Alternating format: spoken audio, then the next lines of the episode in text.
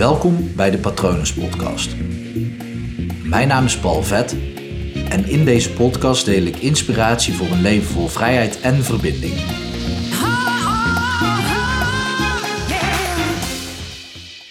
Schaamte belemmert je in het najagen van je dromen.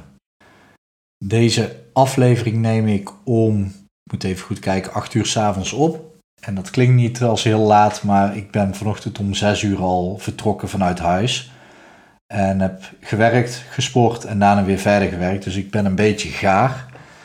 Uh, maar ik vind het wel een belangrijke aflevering om op te nemen. Schaamte, daar, daar ja, zit vaak ook een taboe op. Er rust een taboe op, moet ik zeggen. Uh, sorry als ik niet helemaal goed uit mijn woorden kom in deze aflevering.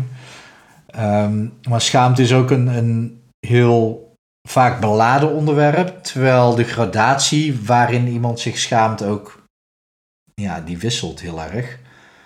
En er is ook iets grappigs aan de hand met schaamte. Maar daar kom ik aan het einde van de aflevering wel even op. Ik liep vandaag in de sportschool en ik, uh, ik had echt heerlijk gesport. Ik had mezelf beloofd om rustig aan te doen, om rustig aan te sporten. Want ik heb nog spierpijn van mijn benen van drie dagen geleden en van gisteren, nee, dat zeg ik verkeerd, van eergisteren van mijn bovenlichaam. Dus eigenlijk spierpijn in alle spiergroepen. Dus ik mocht niet met gewichten lopen leuren.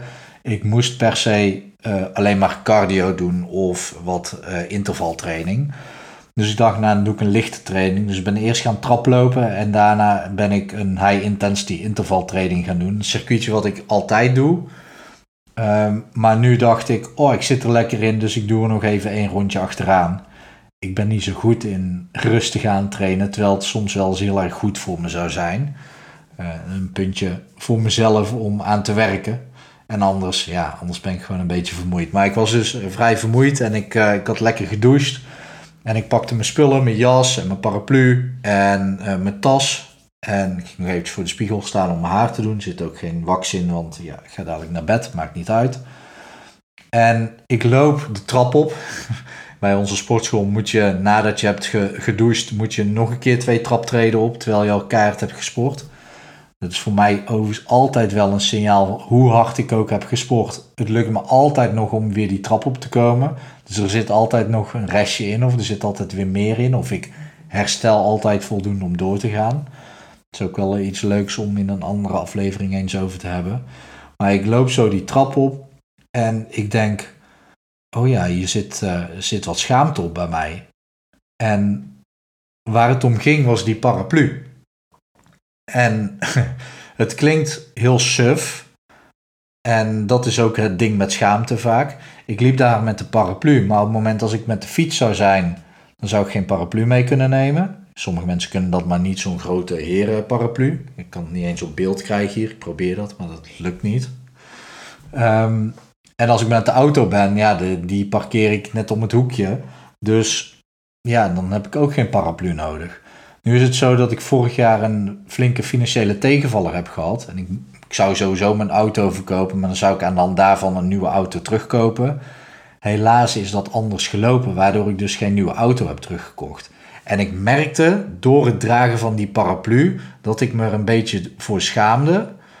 Ik heb dat eerder gehad hoor, toen was het groter aanwezig dat ik als man van 37 geen auto heb. En dat ik dat heb laten gebeuren. En natuurlijk is dat druk van buitenaf, want ja, ik zou eigenlijk een auto moeten hebben, maar voor wie? Wie vindt dat? Uh, maar goed, omdat ik het geloof en me er een beetje voor schaam, of zelfs soms heel erg voor heb geschaamd, al in een eerder stadium, uh, dat zegt wel dat ik het geloof dat eigenlijk iemand zoals ik wel een auto zou moeten hebben. En toen dacht ik, ja, maar het heeft me ook een tijdje belemmerd om naar de sportschool te gaan met de bus. Want dat vond ik maar gek, dat vond ik maar raar. En waarschijnlijk denk je nu, gast, wat zeur je? Wat, dat is helemaal niet raar. Eh, waarschijnlijk heb je zelfs respect voor me dat ik dat dan gewoon doe. Of je vindt het wel raar, even goede vrienden. Maar vaak is het zo dat dingen waar je je voor schaamt, dat iemand anders dat heel normaal vindt. Of dat jij het op een schaal van 0 tot 10 een 10 geeft van hoe erg je je schaamt. En dat de ander het misschien ermee in kan komen van ja, is misschien een 1 waard. Dat is heel vaak zo met schaamte. Op het moment als ik mijzelf dus had laten belemmeren, dan had ik alleen maar kunnen gaan sporten op het moment als het droog was. En laten we nu gewoon midden, terwijl ik dit opneem, midden in de winter zitten. Of tenminste, de winter is over vijf dagen, start die. Het is vandaag 16 december. Ja, 21 december start officieel de winter. Maar we zitten midden in de herfst, midden in de winterperiode. Kei veel regen. Dan zou ik dus gewoon niet kunnen sporten. Terwijl een van mijn dromen is, een van mijn doelen, iets wat ik gewoon heel belangrijk vind, is fit zijn. En ik geloof heel erg in dat fysiek fit en mentaal fit hand in hand gaan. Dus het is voor mij belangrijk om te sporten. Maar dan zou ik dat nalaten, omdat anders mensen zouden denken van, oeh, die gast heeft geen auto. Zou natuurlijk echt heel raar zijn, maar het heeft echt wel meegespeeld. Nu lach ik erom en nu durf ik het zelfs te delen met je. Maar toch, toen ik vandaag die, met die paraplu door de sportschool liep, dacht ik: Oh, wat zouden mensen niet denken van waarom heeft hij een paraplu? Dat is natuurlijk ook wel logisch, want op het moment dat je heel vermoeid bent, tenminste, voor mij werkt het zo, maar voor iedereen, op het moment dat je vermoeid bent, dan ja, er gaan wat remmen van je, van je brein af. Dus je wordt ook eerder emotioneel. Um, tijdens coachsessies Um, nou ja, coachsessie, bij coachsessies beweeg ik niet te veel. Ik heb laatst wel iemand uitgedaagd van ja, doe maar 50 push-ups. Maar dat deed ze en daarna was ze nog steeds fit. Ik zal het voortaan nooit meer aan een fit girl vragen. Maar bijvoorbeeld eh, de Himalaya, de bergen in. Nou, op het moment dat jij 3000 traptreden hebt gelopen en ik ga je dan coachen, wanneer je vermoeid bent, dat is veel makkelijker. Je komt eerder bij je emoties, je komt makkelijker bij je onbewuste. Veel makkelijker om te coachen. Dus ik was moe, ik moest die trap omhoog en ik liep daar. Dus ik was vatbaarder voor gevoel en belemmerende overtuigingen. Ehm, en geloof je daar niet in op het moment dat jij s'avonds vermoeid thuis komt en je moet nog boodschappen doen, hoe vaak neem jij dan een makkelijke maaltijd mee of ga je dan nog even uitgebreid staan koken? Snap je? Op het moment dat je vermoeid bent, dan zijn je remschijven eigenlijk op van je brein. En dan, dan komen dit soort suggesties dus ook.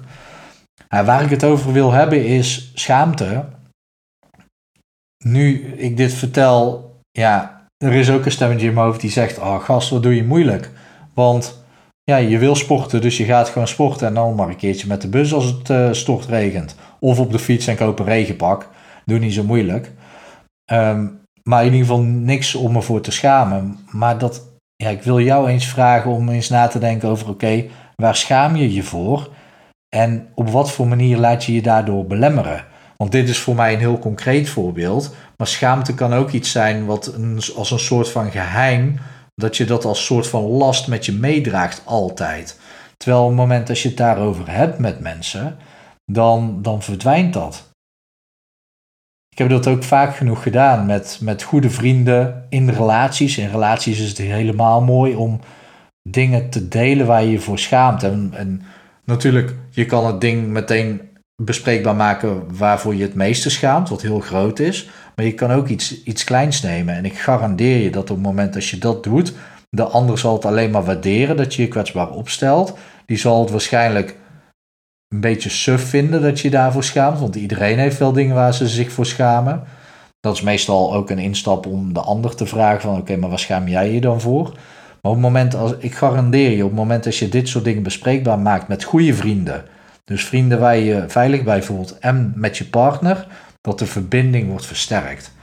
En los daarvan, los van dat die verbinding wordt versterkt, ga jij ook nog eens veel vrijer voelen. Vrijer in je leven, want je hoeft de last van dat geheim niet met je mee te zeulen. Hoe minder geheimen je hebt, hoe minder dingen je hebt waar je je voor schaamt, hoe vrijer je je voelt. Dus aan jou de uitdaging, maak het eens bespreekbaar. En Vind je het spannend? Stuur mij anoniem mailtje. Maak gewoon even een nieuw e-mailadres aan. Stuur mij anoniem mailtje op patronen.palvet.com en schrijf het gewoon naar mij. Het maakt niet uit, ik ken je dan toch niet. Ehm, ja, laat het mij gewoon weten. En zet er dan wel even in wat je van me verwacht. Want op het moment dat je mij gewoon een mailtje stuurt met... Yo Paul, ik schaam me hiervoor. Weet ik niet wat ik ermee moet doen. Op het moment dat je advies wil, vraag erom. Op het moment dat je hulp wil met iets, vraag erom. Ook hulp in hoe je het eventueel kan aanpakken om het te delen met iemand. Ehm, laat het me weten. Als je het gewoon kwijt wil, zet dat erbij. Ik wil dit gewoon naar je sturen, want het helpt mij om het een keer op te schrijven en naar iemand te sturen. Top, krijg van mij altijd antwoord. Ehm, maar ja, schaam je er niet voor, zou ik gewoon bijna willen zeggen. Laat me weten op uh, patronen.paulvet.com. Praat mee via Instagram. Ook dat kan anoniem. Moet je alleen even een, ander, een tweede account aanmaken. Uh, je kan me vinden onder Paul Vet. En je kan natuurlijk ook terecht op mijn website www.paulvet.com. Mocht je dit interessant vinden, mocht je deze podcast leuk, leuk vinden, dan zou ik het tof vinden als je even op volgen klikt. Uh, en als je het echt tof vindt en denkt: oké, dit is misschien wel een onderwerp waar ik mensen mee kan helpen. Stuur het alsjeblieft door naar mensen, want het is mijn doel om zoveel mogelijk mensen te bereiken. Om mensen hiermee te helpen. En um, ja, mijn grootste doel is het herprogrammeren van patronen bij mensen. En ik geloof dat dat heel erg kan door dit soort dingen bespreekbaar te maken. En die, die ketenen die je ervaart door schaamte van je af te gooien. Ik hoop dat het goed met je gaat en ik wens je nog een hele mooie dag toe. Hi!